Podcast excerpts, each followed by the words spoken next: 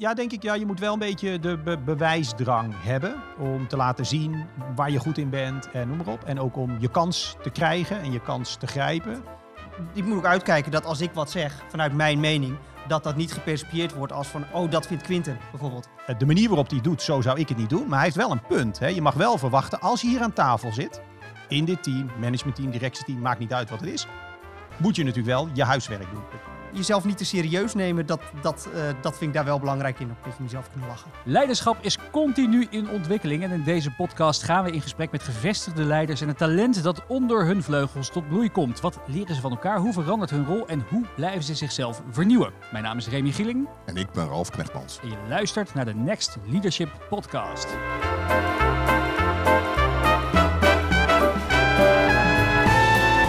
In deze aflevering Quinten eh Schevernels. Hij laat zich luid klinken op sociale media als LinkedIn en Twitter. Is sinds drie jaar CEO bij Huizensite Funda en is investeerder in menig start-up. Aan zijn zijde Tjerk de Boer, Head of Strategy and Business Development. Welkom beiden. Quinten en Tjerk, we willen jullie vragen om eh, elkaar voor te stellen aan de luisteraar. En Quinten, ik zou jou willen vragen om te beginnen. Ja, leuk. Eh, ja, Tjerk de Boer, 34 jaar, bijna 35. Eh, sinds eh, december 2018, dus nu 2,5 jaar bij, bij Funda. Overgekomen van, eh, van bol.com. Daarvoor een rol gehad, ook meer in de consulting, strategy consulting. Eigenlijk hele relevante achtergrond voor een nieuw gecreëerde functie bij ons. Om eigenlijk te helpen Funda voor de komende 10, 20 jaar verder te ontwikkelen.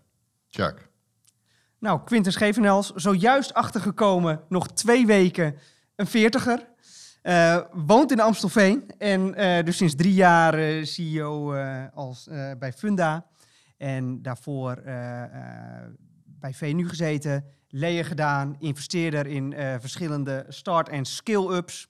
Eh, ook nog auteur, een boek op zijn naam eh, gezet. suits en hoodies. Suits en hoodies, inderdaad. Eh, geen van beide heeft hij vandaag aan. Dus eh, het is niet helemaal practice what you preach eh, vandaag. En eh, wat ik zeg, sinds drie jaar eh, CEO bij, eh, bij Funda. Ja, ik was wel benieuwd. Hoe, wat, wat definieert jullie relatie, Quinten? Ehm, ja, wij, wij werken heel innig samen. Eh, dat heeft vooral te maken met eh, de rol die Tjerk natuurlijk heeft. Hè. Strategie en business development en de CEO, dat zit ook echt heel erg dicht bij elkaar. Dus zelfs als we op kantoor zijn, is Tjerk ook degene die echt zijn bureau aan mijn bureau heeft. Eh, dus wat dat betreft een hele innige samenwerking die wij hebben. Natuurlijk ook over hele belangrijke en soms ook hele vertrouwelijke onderwerpen. Dus dat betekent ook dat in die relatie heel veel vertrouwen en openheid zit. Want anders kan eh, ik mijn werk niet goed doen en kan Tjerk zijn werk niet goed doen. Ja, want voor de luisteraar die denkt misschien, ja, Funda, het is toch gewoon een huizensite waar ik eh, af en toe op speur in de avonduurtjes om te kijken wat het huis van de buurman waard is geworden onlangs. Maar jullie doen nog veel meer. Kan je even kort vertellen wat, wat Funda nog meer allemaal is en doet? Nou, het belangrijkste is inderdaad eh, dat wij de grootste huizensite van Nederland zijn. Wat niet heel veel mensen weten is dat we daarnaast ook de grootste site hebben voor commercieel vastgoed, Funda in Business. En als je eigenlijk kijkt naar eh, de huizensite, dat is het grootste onderdeel van het bedrijf, ook met het meeste potentieel. Dan zie je ons eigenlijk in de loop der jaren verder verbreden. Niet alleen het zoeken en vinden van een woning, maar ook echt kijken hoe kunnen wij in dat hele proces meer waarde toevoegen. En dan heb je het over notaris, hypotheek, verzekeringen. Dat is eigenlijk een beetje de beweging die je ons langzamerhand ziet maken. Eh, daarnaast ook een van de strategische onderwerpen bij ons. Niet alleen mensen die op zoek zijn naar een woning, maar ook mensen die een woning in bezit hebben. Dus wat wij de homeowner noemen. Dus dat zijn echt hele strategische onderwerpen waar Tjerk en ik dan natuurlijk heel veel tijd mee bezig zijn. En waar zitten dan je concurrenten? Ralf Hamers zei ooit, eh, eh, niet de grote banken zijn mijn concurrent, maar straks Amazon en Google. Waar zitten de concurrenten van Funda in de toekomst? Ja, dat kan een beetje vanuit verschillende hoeken komen. Hè. Dus dat zouden meer de big tech bedrijven kunnen zijn. Dan moet je vooral denken aan Google en Facebook. Facebook met zijn eh, marketplaces. Maar het zouden ook de grote financiële dienstverleners kunnen zijn. Die natuurlijk ook zeer gecharmeerd zijn van zo'n sterke positie aan het begin van dat proces. Als mensen op zoek gaan naar een andere woning. Maar als ik naar het buitenland kijk, is het natuurlijk ook niet uitgesloten dat er eh, gewoon start-ups gaan komen. Met echt wel een ander model dan wat wij vandaag de dag hebben. Wat goed aansluit bij andere behoeften van consumenten. Dus dat is, eh, ja, we hebben daar wel verschillende dingen zeg maar, op ons radar, wat we erg in de gaten houden. Hoe, hoe zou jij jullie relatie omschrijven, Tjerk? Eh, Is Quinten degene geweest die heeft aangenomen? Ja, Quinten is degene geweest die mij heeft aangenomen. En als ik heel eerlijk ben, ook wel degene waar ik op heb ingetekend hè, bij, bij Funda. Eh, tuurlijk, eh, als je op zoek gaat naar, eh, naar een baan, dan kijk je naar, naar het bedrijf en past het bedrijf bij je. Maar het gaat ook om klik. Het gaat om ambitie die, die uitstraalt van de organisatie. Nou, daar waar Quinten natuurlijk CEO van is, die, die draagt die ambitie. Dus daar heb ik me ook wel echt op ingetekend, eh 2,5 eh, jaar geleden. Het zat een beetje ongemakkelijk, hè, die eerste ontmoeting. Begint over koetjes en kalfjes, probeert elkaar een beetje te leren kennen. Hoe, eh, eh, hoe, wat was jouw eerste ervaring daar? Wie zat er tegenover je? Nou, het was wel grappig, want ik kwam... Funda is heel informeel. En sollicitatiegesprek, ik kwam natuurlijk in pak.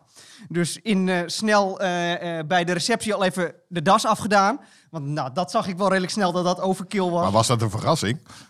Nou ja, ik, ik dacht toch van, joh, nou laat ik eens even eh één, eh, even één niveautje kleden wil gewoon zijn best doen. Die is hartstikke goed. Het is, eh, Ja, nee, nee, nee. Dus eh, ik dacht, eh, nou ja, ik, ik speel op safe, maar eh, snel de das afgedaan. Dus, eh, maar al snel, naarmate de gesprekken vorderden, want er waren eh, best een aantal eh, rondes, steeds informeler, totdat ik ook gewoon eh, in Spijkerbroek zaten we ergens eh, bij eh, het Olympisch Stadion, eh, of bij de RAI was het, eh, gewoon een biertje te drinken.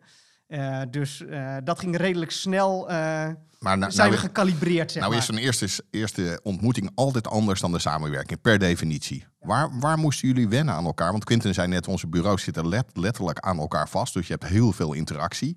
Waar moest je wennen aan elkaar? Quinten is extreem direct. En hoge ambitie. En dat, dat, En direct als in? Hoe, hoe, hoe moet ik me dat voorstellen? nou, zowel in wat hij wil, eh, wat hij eh, ergens van vindt en wat hij verwacht. En dat is wel even kalibreren, want dat kan best. eh, Binnenkomen. nou ja, zeker als je natuurlijk net met de baan begint. Nou, dan wil je het graag goed doen. Een beetje onzeker natuurlijk. Dus eh, dat is wel even, even slikken en even proeven van... Oké, hoe bedoelt hij dit nu? En eh, eh, waar gaat dit nou de goede kant op? Of, eh, Jij gelooft niet in een zachte landing, eh, Quinten. Nou ja, dat is een beetje de definitie die je hanteert van zacht, zeg maar. Nee, maar ik, ik denk, ik herinner me de gesprekken met Tjerk ook nog heel goed. En eigenlijk vanaf het eerste gesprek dat we hadden, eh, dacht ik wel, eh, want we hebben heel veel kandidaten gezien, maar dit, dit is hem wel. En daarin speelde wel een rol, gewoon hoe die overkwam, zijn achtergrond, ambitie. En dat ik ook wel het idee had, dat past ook wel bij, eh, zeg maar, nou ja, de, de filosofie die ik, ik een beetje heb, hoe je zo'n bedrijf kan neerzetten. En natuurlijk ook, als iemand zo innig met mij samenwerkt, moet dat natuurlijk ook wel bij mij, bij mij passen. Dus daar had ik wel, eh, ik had er wel vertrouwen in dat hij die directheid en die ambitie, dat hij die wel, eh, wel aankon. En eh, dat, dat is ook zo. Hoe, ehm, eh, veel mensen zeggen natuurlijk dat je moet, moet, hiren voor, voor culture. Ik denk dat je dat wel kan onderschrijven. Ja, zeker. Hoe, hoe, hoe test je het daarop? Hoe, ben je, hoe, hoe kom je erachter of iemand als eh, die cultuurwaarde van Funda in zich heeft? Ja, kan je een aantal dingen doen. Ik denk dat het heel belangrijk is wat de achtergrond van iemand is. Bij wat voor bedrijven heeft hij gewerkt? En nou is natuurlijk het ene bedrijf, eh, Tjerk kwam bij bol.com vandaan. Dat is een bedrijf wat ik heel goed ken. Dus dan kan je redelijk inschatten van oké, wat is dat voor soort bedrijf? Voordeel was ook dat ik bij bol.com in het directieteam nog wel wat mensen kende. Dus een hele betrouwbare referentie inwinnen was ook niet zo ingewikkeld. Ja, verder moet je dan gewoon ook gesprekken met elkaar hebben, de interactie zien. Wat wij doen aan het einde van het proces, als we eigenlijk onze voorkeur hebben bepaald, dan hebben we een test die we laten doen, management drives, waar je eigenlijk kijkt naar de onderliggende drijfveren van iemand. Die test, daar hecht ik heel veel waarde aan, omdat dat behoorlijk voorspellend is voor hoe iemand zich gaat gedragen, waar die energie van krijgt. En daar kan je eigenlijk per rol kan je daar een aantal accenten aan geven. Wat is belangrijk voor die rol? Wat is belangrijk voor het team waarin iemand komt? En dat is ook een hele goede voorspeller, vind ik, voor hoe iemand zich later eigenlijk gaat gedragen. Nou ja, wel op het vlak van drijfveren, hè, wat makes him tick. Maar een andere belangrijke component is de persoonlijkheid. Hè. In een van mijn boeken zeg ik, je wordt aangenomen om wat je kunt en ontslagen om wie je bent. Want dat is het vaak, hè. Die, die competenties zijn belangrijk, maar dat is een noodzakelijke voorwaarde. Het onderscheid zit op de cocktail van die drijfveren waar je Ja, net aan ja. refereert. En de persoonlijkheid. Hoe breng je die persoonlijkheid dan van tevoren in kaart? Dat is belangrijk voor leiders. Ja, zeker, zeker. En misschien klinkt dat een beetje, ja, dat bedoel ik helemaal niet arrogant, maar ik denk dat je daar wel een voordeel hebt. Tjerk zei net, ik, ik ben nog maar een paar weken 40. Dat is aan de ene kant is dat een soort eh, eh, pijnlijk moment als je 50 wordt. Tegelijkertijd betekent dat ook dat je behoorlijk veel vlieguren hebt. Dus ik uh, denk dat ik vrij goed in staat ben om uh, op basis van een aantal gesprekken in verschillende settings een inschatting te maken van de persoon. En het laatste gesprek waar Tjerk het net over had, was ook heel bewust een gesprek niet op kantoor. Wij zijn bij de roastroom op een mooie zonnige dag buiten gaan zitten, hebben daar een biertje gedronken. Ook gewoon een hele andere setting om ook eens te zien hoe is die in die andere setting dan. Dus dan kon je zien of hij met Mark, eh, vork en mes kan eten, maar ook hoe hij zich buiten, buiten kantoor uh, manifesteert. Ja, of die bier dronk of niet. Nee, maar, uh, je, hoe belangrijk is dat? Hoe belangrijk is het om iemand ook buiten werk daarin te leren kennen? Als je op, op bepaalde key posities mensen gaat aannemen? Nou, niet noodzakelijk dat je iemand echt heel goed privé moet kennen. Maar ik denk wel dat je iemand meerdere keren wil zien in verschillende settings. Om eigenlijk te kijken hoe consistent is dat gedrag. Dus het is heel gevaarlijk, vind ik. Als je iemand aanneemt en je zou dat doen op basis van één gesprek. En vervolgens spreken andere mensen in het bedrijf met zo iemand. En dan neem je een besluit. Dus ik heb mijzelf voorgenomen al jaren geleden dat als ik iemand aanneem die direct aan mij gaat rapporteren, wil ik minstens, hoeveel haast ik ook heb, minstens drie gesprekken, altijd die drijfveren test. Ook om mijzelf te behoeden uh, voor eigenlijk te enthousiast te worden, iemand aan te nemen en dan drie maanden later erachter te komen, oh, ja, dus wat was heel goed in dat eerste gesprek, maar in het echt is het niet zo. Dus wat je in je boek Suits en Hoodie zegt, hire slow, dat, dat breng je ook echt in de praktijk. Ja, zeker. Altijd. Zeker. laat je nooit verleiden om een keer te denken, too good to be true, die neem ik gewoon. Nee, op mijn direct reports doe ik dat absoluut niet. Ik zie het af en toe nog wel in het bedrijf gebeuren, dat men toch een beetje de neiging heeft vanuit de haast om dat te doen. Maar dan zie ik het ook wel als mijn rol om dat toch een beetje af te remmen. Want uiteindelijk ja, neem je iemand aan voor meerdere jaren. Dat moet wel goed passen. En Tjerk, hoe was dat voor jou? Want je, je, was een, je, je, hebt een goede baan met Bol, eh, ambitieus. dacht je niet op een gegeven moment van nou, uh, schiet eens op, grote vriend. Want je ziet toch wat voor talent je in huis aan het halen bent. Ja, ik maak er wel eens grapjes over met onze recruiters daarna. Want volgens mij ben ik zes of zeven keer naar de Piet Heinkade gereden. Of dus naar de roastroom voor een, voor een gesprek. En, op een gegeven, en uh, dat duurde ook wel even. Volgens mij uh, zijn daar dikke 2,5 maand overheen gegaan, zeg maar. vanaf het eerste gesprek tot, totdat we eruit waren van, nou, ik, ik kom die kant op. En aan de ene kant vond ik het heel, heel leuk om mensen te zien en ook gewoon het gevoel te krijgen van, oké, op welke trein stap ik eigenlijk in? Maar aan de andere kant duurt het wel lang. En dat is denk ik een beetje de balans die je moet zoeken. Zeker in deze markt natuurlijk, waar talent schaars is. Wat, hoe, wat, hoe doe jij dat nu zelf? Je, je hebt nu geleerd van uh, de, de, de stijl van uh, Schevenels. Ja. hoe, doe je dat, hoe doe je dat zelf als je nu mensen moet aannemen? Ja, ik, het is een beetje do as I say, not as I do. Want ik, inmiddels uh, ben ik ook redelijk ehm, nou, voorzichtig, maar secuur zeg maar, met, met het aannemen van mensen. Zeker omdat Funda natuurlijk een wat kleinere organisatie is maakt individueel talent meer uit dan op een grote organisatie in mijn ogen, waar je gewoon een grote talentpool hebt. Dus individuen zijn belangrijker. En uh, ik weet nog wel dat, uh, dat ik ook voor mijn team uh, mensen aan het zoeken was.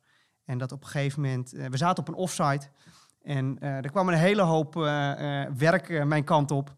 En eigenlijk op een gegeven moment zei Quinten, doe nog maar gewoon. neem die jongen nou maar aan dus zelf uh, ben ik daar ook uh, nou, secuur in, omdat ik het gewoon echt heel belangrijk vind, zeker in een kleine organisatie, dat je de juiste mensen hebt. die niet alleen gewoon het werk kunnen doen, maar ook nou, het, het, niet alleen de cultuur dragen, maar ook gewoon een fit zijn met de mensen waar, waar ze veel mee samenwerken. Als je kijkt naar Quinten als leider, hè? als je nou zou moeten aangeven in die korte tijd dat je hem hebt leren kennen, wat het meest bijzondere en onderscheidende aan hem als leider is, wat pak je er uit de veelheid der dingen dan vooral uit? Waar onderscheidt hij zich als leider? Voor mij twee dingen. Uh, aan de ene kant uh, het vermogen om rustig te blijven uh, onder druk. er gebeurt veel. dus ook als je de krant leest, komt er nog wel eens wat van Funda voorbij. En uh, waar ik echt heel veel bewondering voor heb, is uh, hoe rustig hij blijft en uh, hoe, nou, hoe procesmatig hij dat aanpakt. Het, het, het, lijkt hem niet te deert. Ik ben er niet achter of het nou daadwerkelijk niet, de, niet deert of dat hij dat alleen zo doet voorkomen. Dat, dat kan hij zo misschien zelf even wat over vertellen. Maar dat... Uh, dat uh, en het andere? Je zei twee dingen. Ja, het andere is het vermogen van Quinten om mensen mee te nemen in een verhaal. Grote groepen, achter een, een verhaal eh, eh, te krijgen. We zi- zijn de eh, afgelopen weken, eh, maanden bezig geweest met een nieuwe strategie voor Funda. Eh, gisteren toevallig gepresenteerd aan een eerste groep eh, eh, intern. En dan zie je gewoon dat Quinten ontzettend goed in staat is om mensen niet alleen zeg maar, achter het wat te krijgen van wat gaan we nou doen, maar ook zeg maar, het inspiratieve verhaal over te brengen. En als je nou zou moeten aangeven waar mensen wel eens pukkels krijgen van hem in dat bedrijf. Want jij zei straks, hij is ook direct. En er is geen leider die niet ook een beetje menselijk is en een rafelrandje heeft. Waar, waar zitten die dan bij hem? Nou, ik denk dat op een gegeven moment wel Quinten de neiging heeft. Eh Qu- Quinten kan lang verantwoordelijkheid ergens anders neerleggen. Als het te lang duurt, dan, dan hakt hij er doorheen. En dan grijpt hij in. En eh, eh, te lang duren, dat is natuurlijk relatief. De, de een vindt dat, dat kan voor de een nog steeds te vroeg zijn dan voor de ander. En nou ja, daar heb ik wel eens wat mensen eens even een kopje koffie over gedronken van hoe moet ik dit nou zien, zeg maar, wat er nu gebeurt. Hè, wat Quinten nou weer, eh, wat Quinten nou gedaan heeft. En als je daar feedback op krijgt, wat dan? Geef je er feedback op? Ja, ik probeer dat wel. Ehm eh, Quinten die kan wel met feedback omgaan als het goed gemotiveerd is. Het moet echt, het moet niet komen van ik vond dit vervelend. Eh, het, het, het moet een motivatie achter zitten. En eh, dan staat hij er heel erg open voor. Eh, eh, maar als dat ontbreekt, dan eh, kan hij redelijk snel doorstappen. Nou ga ik daar even op inhaken, want je zat in een interview met het Parool gezegd hierover van ik nodig mensen voor feedback uit, maar ik neem het niet voor iedereen aan. Je moet het wel verdienen. Ehm, wat vind je daar lastig aan om, eh, om van, eh, eh, van, van iemand die het misschien nog niet heeft verdiend feedback aan te nemen? En in wat voor vorm komt dat dan wel eens naar je toe? Nou, dan, het is misschien dan goed om even te duiden, hè, wat, wat versta ik dan onder verdienen? En dat verdienen is eigenlijk eh, eh, waar Tjerk ook aan refereert.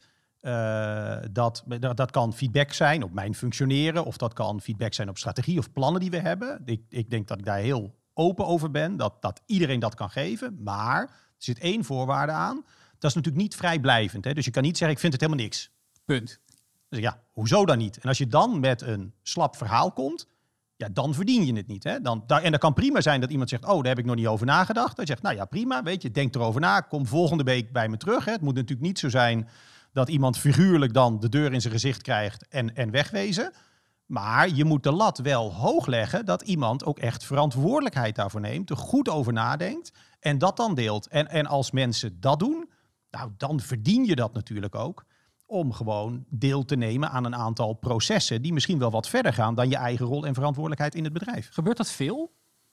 Ehm, steeds meer, vind ik. Ja, dus, dus Tjerk refereerde gisteren aan de sessie die we hadden over eh, de strategie die we hebben geformuleerd. En eh, nou ja, Tjerk en ik waren achteraf ook een beetje aan het praten, hoe ging dat nou eigenlijk? En dan vond ik het erg leuk om eh, best een aantal mensen heel proactief vragen te zien stellen, al wat eerste feedback te geven. Dus dat, ja, dat, maar dan moet je, je moet daar wel heel erg hard aan werken. En daar vind ik de afgelopen jaar, anderhalf jaar, zeg maar achter een schermpje zitten, eh, helpt niet heel erg om dat te stimuleren. Dus ik geloof met dit soort dingen eh, dat het ook heel waardevol is om gewoon bij elkaar te zitten, uit te nodigen, non-verbaal elkaar te kunnen zien. Eh, dus dat, dat vertraagt eigenlijk zo'n proces een beetje, vind ik. Wat, wat is de, de, de pittigste feedback die je ooit hebt gekregen? En dat kan hier zijn of, of, of, of bij een van je vorige functies. TMG heb je lang gezeten. Groot mediabedrijf. Is er iemand wel eens echt kritisch over je functioneren geweest? Uh, nou, er zijn twee dingen die mij heel erg zijn bijgebleven, die ik heel leerzaam vond. Eén, uh, dat ging niet zozeer om mijzelf, maar het had om mezelf kunnen gaan. Dat was een leidinggevende die ik had bij, bij Randstad, een districtsmanager. En uh, die trok zich echt helemaal niets aan van wat iemand anders vond. En wij hadden een vergadering met het managementteam. En uh, nou, dan moesten we een beslissing nemen. Ik heb geen idee meer waar het over ging. En er was dan een, een, een stuk gemaakt wat iedereen had moeten lezen. En hij zegt, nou, wat, wat, vond jij ervan? Gelukkig vroeg hij dat niet aan mij. Dan vroeg hij aan een collega van mij. En die had overduidelijk dat stuk niet gelezen. En hij liet er, er niet mee wegkomen. Hij zegt, weet je wat? Ga maar op de gang staan. En over een kwartiertje, als wij een besluit hebben genomen, dan kom je wel modern terug. leiderschap, of niet?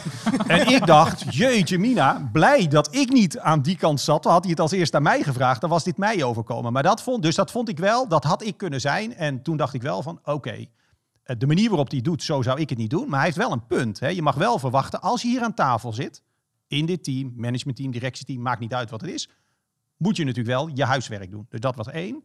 En een andere die ik had was, ehm, ik, ik, ik vertel graag een verhaal. Ik geef graag context. En eh, dat kan natuurlijk gewoon verbaal zijn, maar dat kan ook in een mail zijn. En daar had ik een, een leidinggevende bij de Telegraaf. En die zei ook echt, je stuurt geweldige mails, die verhalen zijn top. Maar alsjeblieft, kan je het niet in 10% van de woorden zeggen. en die vond ik, want dat ging niet alleen over die ene mail. Dat deed mij ook wel inzien van uh, maak je verhaal veel compacter. Maak je boodschap veel duidelijker. Uh, dus dat, dat waren wel twee dingen die uh, ik op dat moment echt heel, één, heel vervelend om te zien. Die ander heel vervelend om te horen. Want ik voelde me echt zo van, ja, doe, doe ik het fout? maar toen ik daarover nadacht, was het, het raakte wel heel erg een punt. Ja. Tjerk, wat heb jij van, uh, van Quinten geleerd als leider? Zijn er dingen die in het bijzonder bij jou bijgebleven zijn waar je zelf iets aan hebt in je ontwikkeling als leider? Wat denk ik vooral bij mij bijblijft is uh, het uh, drive naar voren houden. Gewoon gaan, tempo blijven houden in de organisatie. En dat, dat, dat zit op heel veel dingen. Hè. Dat zit in, in de projecten die je doet, dat zit in veranderingen in de structuur doorvoeren, dat zit in de strategie, maar vaart blijven houden. En als je dat laten afleiden. Ja, en als je dat combineert met dat stuk meenemen van de mensen, dan heb je een ontzettend krachtige vloedgolf eigenlijk die, uh, die door zo'n organisatie trekt, waar mensen graag aan mee willen werken. Uh, en dan kan je dus ongelooflijk veel impact maken. Dus uh, dat, dat vind ik echt heel, heel interessant om te zien. En ook als ik zelf nadenk van oké, okay, wat haal ik nou weg bij bepaalde mensen? Bij bepaalde mensen haal je dingen weg. denk ik van nou, dat, dat, dat ga ik zeker niet doen. Uh, en, uh, maar dit is echt iets waar ik denk van, poeh, als ik, dat, uh, als ik, als ik die competentie voor elkaar kan krijgen voor mezelf, dat zou, ik heel, zou ik heel blij mee zijn. Jullie werken heel intensief samen. Ja. je zit bij, bij Quinten aan het bureau, hebben we al gehoord. Heb je daar nooit het gevoel bij dat daar ook binnen de organisatie een beetje schuiner wordt gekeken? Van, we, we, we, we komt, komt weer naar voren geschoven? Dat heb, je, uh, dat heb je natuurlijk. En daar uh, is deels uh, wat aan te doen en deels niet. Hè? Ehm, maar het is natuurlijk heel logisch dat mensen die eigenlijk die verbinding heel erg gaan zien. En dat, ik moet ook uitkijken dat als ik wat zeg vanuit mijn mening, dat dat niet gepercipieerd wordt als van, oh, dat vindt Quinten bijvoorbeeld. Hè? Dus daar, daar probeer ik op te letten. En hoe, hoe ondervang je dat? Nou, ten eerste dat ook gewoon zeggen. Hè, dit is mijn mening en uh, niet die van Quinten. En ik vind het ook gewoon heel belangrijk om uh, zelf gewoon veel met mensen te kletsen binnen de organisatie. Zelf ook op persoonlijk niveau die, uh, die relatie te hebben met andere mensen binnen de organisatie. En zorgen dat je, hoewel je misschien functioneel wel weinig met ze te maken hebt, maar dat je wel op de relatie gewoon een goede band hebt, zodat mensen dat ook kunnen duiden. En dat er ook daar dat, dat, vertrouwen ontstaat. Want dat is echt gewoon cruciaal. Want op het moment dat mensen mij alleen maar gaan zien, zeg maar, als, nou ja, die werkt met Quinten samen aan allerlei projecten, dan uh, ben je daarna meteen je effectiviteit kwijt. Want dan hoe, kan je niks meer. Hoe, hoe, hoe zorg jij daarvoor, Quinten? Want je wil natuurlijk iemand die, uh, waarvan je veel talent ziet, wil je meenemen, je wil hem, wil hem overal bij betrekken. Uh, maar tegelijkertijd heb je ook die hele andere organisatie uh, die, die je niet uh, moet vergeten. Of je wil ook niet dat, dat inderdaad daar schuine ogen over komen. heb je dat wel eens gemerkt, dat dat, dat misschien wel wrijft? daar moet je wel heel alert op zijn. Dat het echt wrijft heb ik niet zozeer ervaren. Maar dat komt denk ik ook omdat uh, en ik daar gewoon ook echt heel bewust mee om proberen te gaan en, en over praten. Uh, en dat ik daar zelf ook voorzichtig mee wil zijn. Dus ook, uh, ik, ik, denk dat Tjerk een aantal talenten heeft die uh, voor Funda nog veel meer toegevoegde waarde kunnen hebben dan alleen maar de rol die die heeft. dus dat we ook samen in gesprek zijn. Hoe kan je nou jouw manier van denken, een hele scherpe analytische manier van denken, hoe kan je ook andere mensen in het bedrijf daarmee helpen? Kunnen we daar een programma voor maken? Kan je een beetje een mentorrol pakken? Wat voor het bedrijf heel goed is. Maar ik denk ook voor Tjerk in zijn verdere ontwikkeling heel uh, goed is om daar gewoon mee, mee te spelen. En daardoor ga je het bedrijf in, ga je zelf het bedrijf in. Ben je ervan bewust dat dat je eigen mening soms is, niet per se de mening van mijzelf. Dus ik, uh, ja, wat Jerry zegt, het hoort een beetje bij zo'n rol. Hè? Hoofdstrategie business development, direct rapporterend aan de CEO. Daar zit een beetje een risico in dat dat een vrij geïsoleerde functie uh, wordt. Daar hebben wij vanaf dag één over gesproken met elkaar. Hoe gaan we dat voorkomen? Wat heb je van hem geleerd, hè, Quinten? Het is mooi als je over weer wat van elkaar meepakt. Ja, zeker. Ja, zeker. Nou ja, dat vind ik eerlijk gezegd ook wel het, eh, het leuke. Niet, niet alleen eh, binnen het bedrijf, maar wat ik ook vaak zie, of ik nou ergens commissaris ben of dat je investeerder aandeelhouder bent, dat mensen heel vaak denken dat je op een gegeven moment als, als CEO en aandeelhouder, hè, dat je overal alleen maar komt brengen. Maar je haalt ook heel veel. Dus als je maar uh, ervoor open staat, leer je heel veel van, van andere mensen. Wat ik heel leuk vind aan Tjerk. Tjerk is natuurlijk een een, een generatie na mij, een jongere generatie, die over een aantal dingen gewoon wat anders nadenkt. Tjerk is helemaal niet bang om zijn mening te geven op alle mogelijke vlakken. Dus dat waardeer ik ook enorm. Maar wat leer je van hem? Nou, het analytische denken. Het analytische denken. En dat ook, uh, dat, dat ook uh, scherp houden. Uh, ook de doorvertaling maken. Niet alleen hè, van waar gaan we naartoe? waarom is dat heel gaaf als we met z'n allen daar naartoe gaan? Maar hoe gaan we het precies doen? En daar loop ik een beetje het risico dat ik mijn interesse verlies. Dus te weinig richting geef aan het bedrijf. En er eigenlijk vanuit ga, ja jongens, kom op, je snapt toch wel waar we naartoe gaan en hoe je dat gaat doen. Uh, maar die vertaalslag maken is heel erg belangrijk. En dat vind ik wel een van de dingen waar uh, Tjerk met zijn manier van denken ook gewoon heel veel waarde kan toevoegen. Dus dat is heel fijn om dat zeg maar te zien en me daar ook van bewust te zijn dat dat heel belangrijk is. In hoeverre spreken jullie met elkaar over ja, bedrijfsdoelen? Dat is logisch. Maar in hoeverre spreken jullie ook over persoonlijke doelen, Sherk? Nou ja, persoonlijke doelen als, als in ontwikkeling, uh, zeg maar. Ja, ja bijvoorbeeld. Nou, zeker. Uh, regelmatig. Regelmatig. En daar is ook gewoon uh, ruimte voor. Kijk, je hebt natuurlijk de, de beoordeling en, de, en, de, en al die, die formele processen. Krijgen er een beetje jeukeltijd van.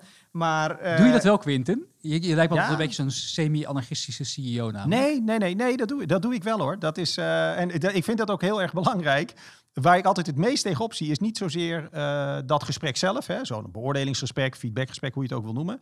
Uh, maar ik vind wel, als je dat goed wil doen, dan moet je het echt goed voorbereiden. En dat kost serieus tijd. dus dat is eigenlijk, nou, ik denk dat ik met ieder beoordelingsgesprek daar ben ik zeker een halve dag mee bezig, zo niet langer. En dat is voor mij ook echt iets, en dat doe ik overigens met veel dingen, wat bijna, uh, dat leg je in de marinade. Of dat is een wijn die moet rijpen. Hè. Dus ik schrijf die beoordeling vaak vier weken voordat het gesprek is. Een weekje later kijk ik er nog eens naar. En dan nog een keer. En dan heb ik het idee, oké, nou, nou heb ik het zeg maar te pakken. En dan ga je zitten. Dus dat, nee, dat, ik denk dat dat ongelooflijk belangrijk is om dat, om dat goed te doen.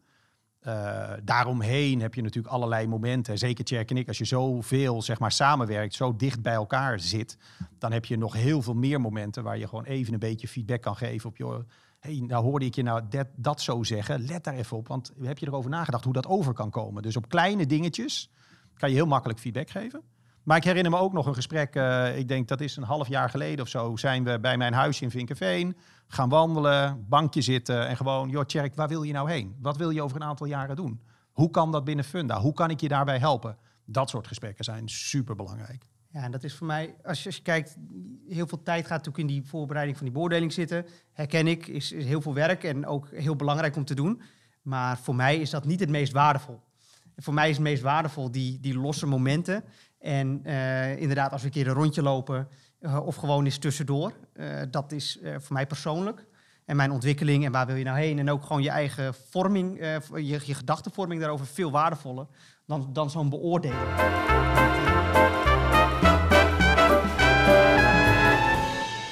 En in 2002 heeft Google een project gestart, Google project Oxygen, om te kijken. De vraag was: Do leaders still matter? Nou, de uitkomst was dat ze wel uh, nog relevantie hadden, maar dat ze het anders moesten gaan doen. Hè. Veel meer het creëren van de randvoorwaarden om anderen te laten excelleren. En uh, nou kom jij uit het, uit het traditionele domein, hè, Randstad en de publishing. Um, wat is de relevantie van, van leiders in deze tijd? In hoeverre is dat veranderd in de loop der tijd? Uh, dingen gaan veel sneller in de digitale wereld waarin ik zit. Dus dat heeft ook echt wel consequenties voor, uh, voor leiderschap. Hè. Dus je moet veel sneller schakelen.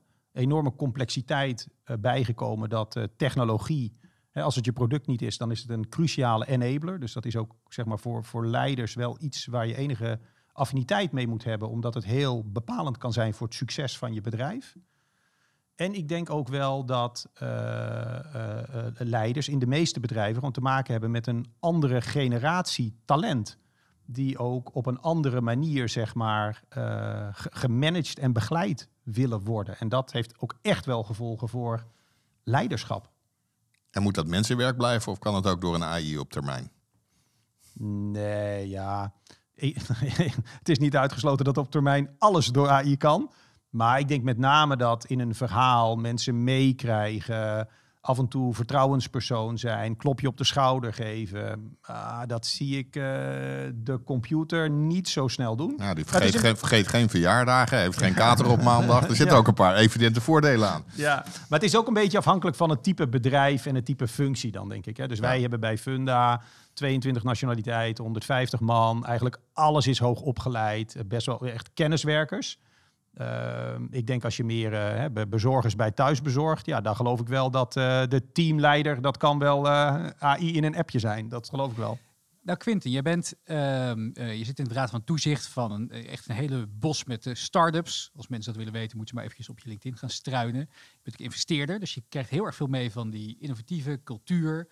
Um, en bij al die bedrijven zit ook toch wel een bepaalde vorm van autonomie. Ik denk dat jij ook een ontzettend autonome leider bent binnen, binnen een organisatie, maar je hebt nog wel steeds te rapporteren aan een, eh, een groep aandeelhouders.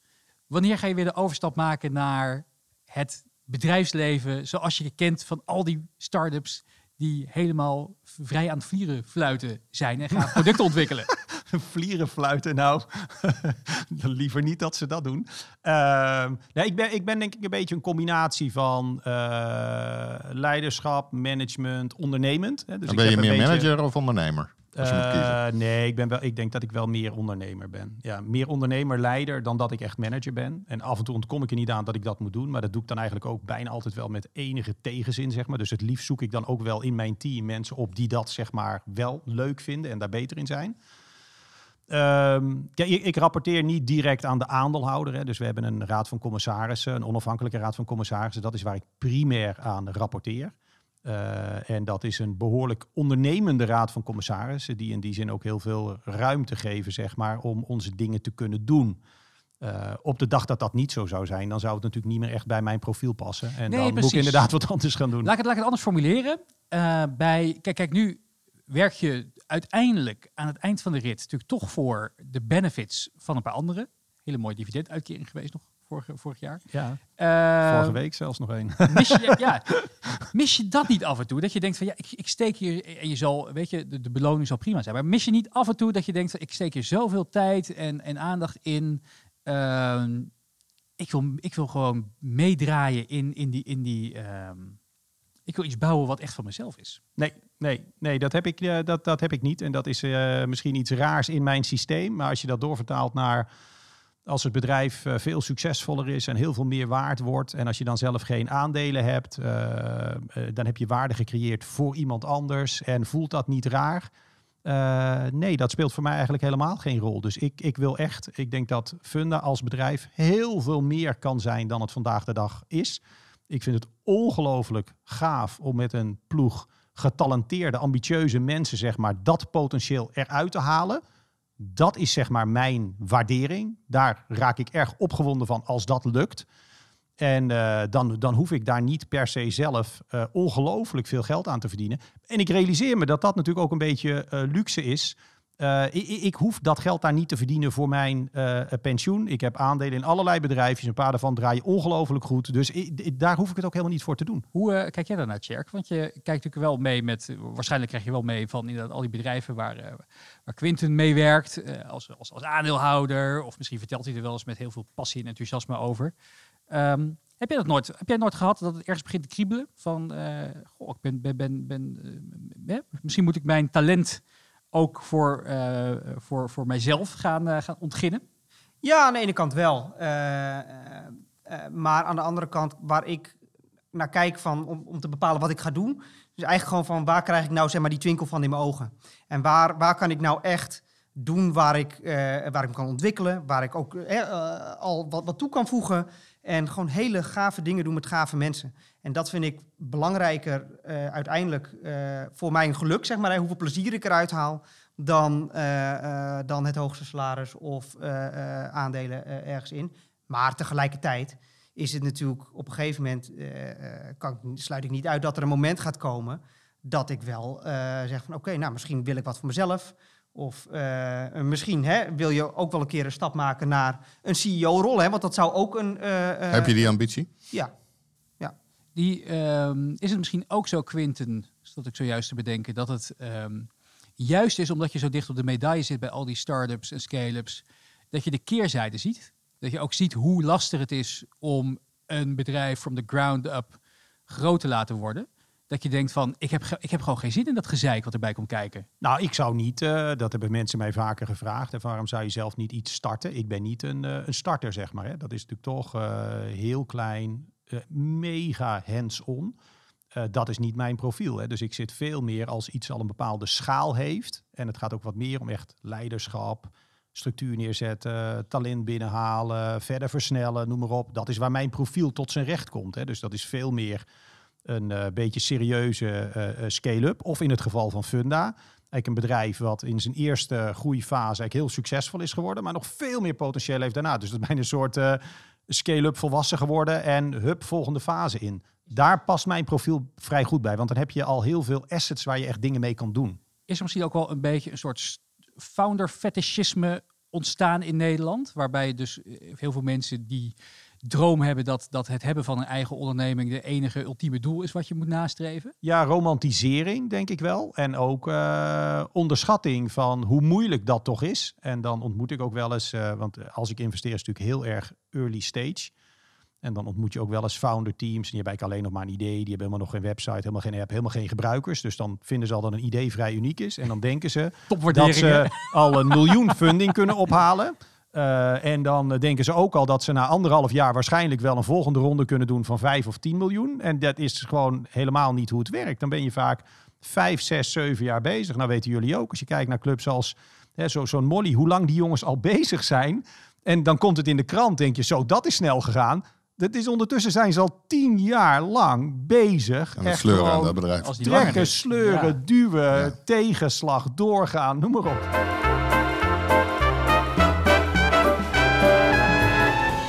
Hoe is de rol van de CEO veranderd? Als we kijken naar Jack Welch, die ooit bij, eh, bij, bij in pak eh, de, de, de troepen aan toespreken was en de slechts pre- presterende 10% elk jaar eruit flikkerde. eh, tot aan tegenwoordig eh, een, een topman van Unilever die gewoon in, in sneakers en een, en een zonder jasje of stropdas op een podium staat te verkondigen over, over duurzaamheid, diversiteit en inclusie. Hoe is die rol veranderd? Eh, wat heb je er zelf van geleerd en waar denk je dat dat naartoe gaat? Nou, ik denk sowieso dat wat jij zegt, de, de kledingstijl is enorm veranderd. Eh, en dat is ook bijna symbolisch toch wel, denk ik, voor meer, eh, toch wel wat informeler. Eh, eh, minder eh, top-down, hiërarchisch. Eh, dus eh, meer, zeg maar, je, je talent, zeg maar, ruimte geven om ook eh, mening te geven, verantwoordelijkheid te nemen, noem maar Dus op. minder command and control. Ja, absoluut. Ja, ja, ja. Nee, daar, absoluut, absoluut. Er zit overigens echt een enorm gevaar in dat we ook wel een beetje terechtkomen, vind ik, eh, dat er soms te veel verantwoordelijkheid bij mensen wordt neergelegd. Dat die mensen, eh, nou ja, natuurlijk heel dankbaar zijn voor die verantwoordelijkheid, maar zich misschien helemaal niet realiseren dat het veel te groot is, dat ze daarin verdrinken. Ja, is het ook Dus- niet zo dat, je, ehm, dat, dat het een klein beetje af en toe, ik zeg niet dat het bij jullie zo is, maar eh, een wassen neus is? Je zag bijvoorbeeld tegenwoordig in Amerika een bedrijf Basecamp, waarin de medewerkers zich ineens gingen uitspreken tegen het beleid van de founders. En die in één keer met de harde hand eh, eh, het handboek eventjes gaan herschrijven. ja. Dus dat mensen het idee hebben dat ze heel veel autonomie hebben. Maar ja, in die end is er toch één poppetje wat de, eh, wat de scepter zwaait. Ja, maar ik denk dat je dat dus. het is niet van je hebt niks te zeggen of je hebt alles te zeggen. Ik denk dat het heel belangrijk is dat je daar dat je veel specifieker bent. Dus gewoon heel goed duidelijk maakt. Als jij de spits bent, dan mag je vrijheid hebben in de voorhoede, maar je blijft wel weg bij je eigen keeper. Eh, dus dan kan je ook heel gericht aangeven van dit is ongeveer het gebied waar jij je primaire verantwoordelijkheid hebt en waar we jou gaan empoweren, helpen, nou noem maar op. Maar er zijn ook een aantal gebieden, hartstikke leuk als je daar mening over hebt, maar ik ben er niet in geïnteresseerd. En ook daar gewoon heel duidelijk zijn. Niet, niet te soft van iedereen mag over alles meedenken. En Dat, dat is bijna het gevaar van Jack Welch. Helemaal doorslaan naar de andere kant. En hoe vind je daar een beetje het, eh, het midden? Maar die nieuwe leiders zijn helemaal niet soft, hè? dat is onzin. Ja maar, die, ja, maar die zijn wel op een hele andere manier. eh, nou, ik zou bijna willen zeggen, meer duidelijk dan hard. Wie was nou het grote voorbeeld voor jullie in je carrière als leider? Waren er mensen die je geïnspireerd hebben of waar je heel veel van geleerd hebt? Je, je pakt van een aantal mensen vooral dingen mee die ik anders zou doen. Dat, dat op een of andere manier blijft dat me eh, eh, vaak wat, eh, wat nadrukkelijker hangen. je maakt me maar. nieuwsgierig, Tjerk. Wat? Je maakt me nieuwsgierig. Wat bijvoorbeeld en van wie? Je ziet wel natuurlijk een aantal mensen die nou, misschien wat meer oude stempel zijn, wat meer ook gedreven wordt door, door de ego vaak. Waarvan ik denk van nou, dat, dat is zo destructief eigenlijk voor die componenten die ik eerder zei over wat maakt leiderschap dat nou? Hè? Mensen meekrijgen, die ambitie. En eh, als het te veel om de persoon zelf draait, dan eh, eh, vind ik dat dat, eh, dat, dat het niet doet. Vind ik wel leuk om er even op, op, in, te haken. Want Ja. in hoeverre heeft Quinten zo'n ego? Hij is natuurlijk wel heel zichtbaar, altijd naar buiten toe, als, als, als kopman van, van de organisatie. Kijk, Quinten heeft natuurlijk een ego. Hè? En ik, en dat, dat zie je ook af en toe wel naar voren komen. Maar het is, eh, wat ik wel prettig vind, is het draait niet op Quinten binnen Funda. En dat is heel gezond. En eh, dat is misschien ook wel iets van, van leiderschap. Hè? Van laat je nou wat, wat laat je nou als je, als je er niet meer bent? Hè? Draait het nou om jou? Of draait het om eh, eigenlijk het, het soort systeem en de manier van denken en de mensen die je, eh, eh, die je achterlaat? En ehm, En vice versa. In hoeverre is Tjerk gedreven door, door een ego? Je moet natuurlijk wel het hebben om, om die wil te hebben om, om, om door te gaan.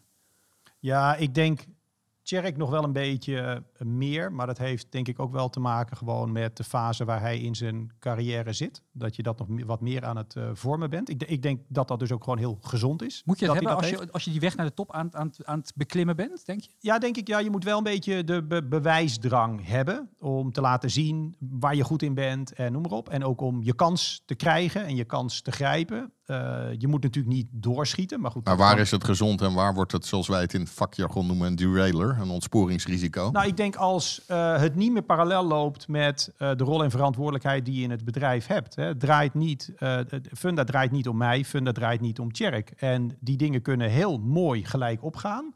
Maar als je dan jezelf eigenlijk boven het bedrijf gaat plaatsen, ja, daar gaat het zeg maar fout. Hè. Dus dat het de Quinten Show of de Tjerk Show zou worden in belangrijke vergaderingen, sessies, eh, interviews, wat het ook is. En, en hoe behoed je het daarvoor? Hoe behoed je daarvoor Tjerk? Want het is natuurlijk makkelijk als je eh, de golden boy bent en wordt binnengehaald en na de eh, 28 eh, sollicitatiegesprekken eenmaal binnen bent en bij, en bij Quinten aan het bureau zit. Dat je op een gegeven moment, dat je ook, de- het gevaar bestaat natuurlijk altijd dat je, dat je erg in jezelf gaat geloven. Ja, maar ik denk ook dat je... eh, ik heb in ieder geval mensen om me heen verzameld die me daar erg goed eh, tegen behoeden. Wie zijn dat? Bewust of dat- onbewust? Oh. Eh, onbewust, eh, denk ik. Ik denk dat het... eh, ik weet niet of het helemaal toeval is, maar eh, eh, het is in ieder geval niet bewust gegaan. Maar wie zijn dat? De stofzuigrobot? Eh, nee, dat is niet de stofzuigrobot, maar eh, mijn vriendin is daar heel goed in. Die neemt mij niet te serieus en dat is hartstikke goed. Eh, en eh, dat is sowieso, denk ik, eh, een beetje eh, relativeringsvermogen rondom eh, hoe belangrijk je nou zelf eigenlijk bent. En eh, wat ik zeg, dat komt van thuis, maar dat komt ook eigenlijk wel op kantoor. Als je, eh, en dat draagt de cultuur van Funda ook wel een beetje. Dus daar, daar land je dan ook een beetje in, zeg maar. Hè? En dat is natuurlijk deels geluk, deels wijsheid dat je daar dan in komt.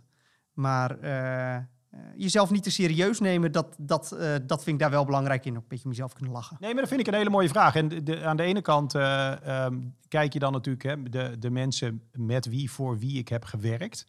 En daar zitten altijd een aantal dingen in die je dan aanspreken, minder aanspreken. Dus ik denk dat het heel belangrijk is natuurlijk, wat, wat pak je van iemand op en vertaal je dan naar je eigen systeem hoe jij het wil doen.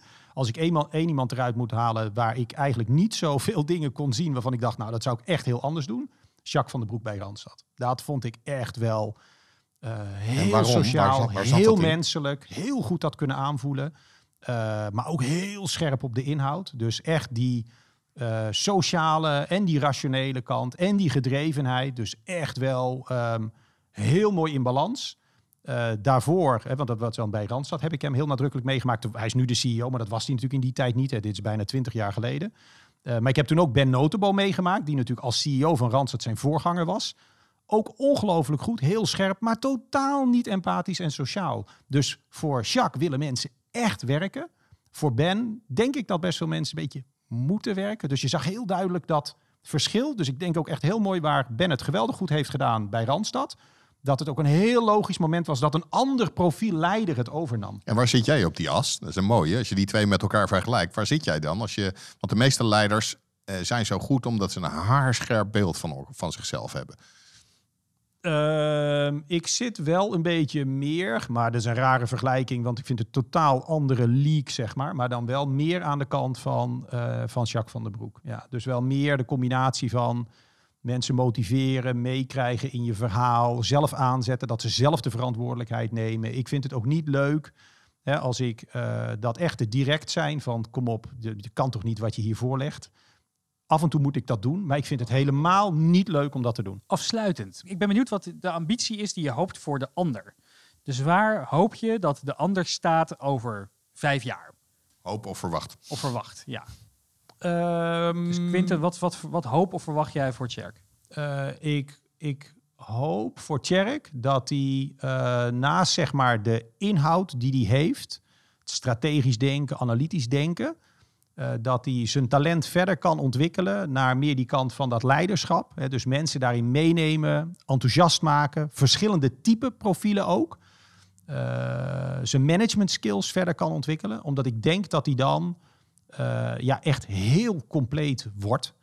Um, en dat, nou ja, dat, dat gun ik hem eigenlijk vooral. Wat, wat, wat is nou echt, als je één feedbackpuntje mag geven waar die nu eigenlijk al werken? Nou, ik denk, ik denk vooral dat. Hè. Dus uh, gewoon uh, uh, kunnen schakelen tussen verschillende type mensen, empathisch, je verhaal goed kunnen overbrengen. Kan in kleine dingetjes zitten, woordkeuze die je hebt als je met mensen praat, noem maar op. Dat, ik denk dat dat is iets wat Tjerk nog minder nodig heeft gehad in zijn rol. Uh, als hij dat verder ontwikkelt, ja, dan wint hij enorm aan kracht. En andersom, uh, Tjerk, wat zie jij voor Quinten de komende nou, vijf, vijf tot zeven jaar? Welke stappen zie je hem maken? Nou, een beetje afhankelijk van hoe hard we gaan met uh, die strategie dus die we, die we gemaakt hebben. Want dat zou nog wel een rit zijn die, waarvan ik hoop dat hij dat bij Funda blijft. Maar uh, ik denk dat Quinten uiteindelijk... Quinten die, die gaat die pingpong volgens mij een beetje heen en weer... tussen echt een operatorrol, eh, echt met zijn poot in de klei staan... en dan weer heel erg terugstappen. Nou, vorige keer een boek geschreven. Dat zie ik nog wel, uh, nog wel weer gebeuren. Dat hij na, na Funda weer een... Gaat hij eerst drie maanden surfen proberen in Portugal en dan... Uh, ja, de surfen. Boek schrijven, een beetje rommelen. Een tweede boek en dan denk ik dat het wel weer gaat kriebelen. En dat hij wel weer ergens uh, op een nieuwe, nieuwe trein stapt. Uh, la, met zo'n opdracht à la Funda. Ja, want hij wordt weggekaapt door, door, door Amazon Real Estate straks. Wat ga je het meest aan hem missen? Als je naar Amazon Real Estate gaat... Ja, nee, dan, dan is het oorlog. Dan... Nee, dan wordt er niet gemist, dan wordt er gevochten. Maar, uh... ik wil jullie hartelijk danken voor jullie uh, tijd en inzichten vandaag. Leuk. Heel leuk. Ja, hartelijk dank voor het luisteren naar de Next Leadership Podcast, waarin ik, Remy Gieling, samen met Ralf Knechtman spreek met gevestigde leiders en het talent dat onder hun vleugels tot bloei komt. Wil je geen aflevering missen? Abonneer je dan gratis op Spotify, Apple Podcast, Google of natuurlijk gewoon via je favoriete podcast-app. Heel graag tot de volgende keer.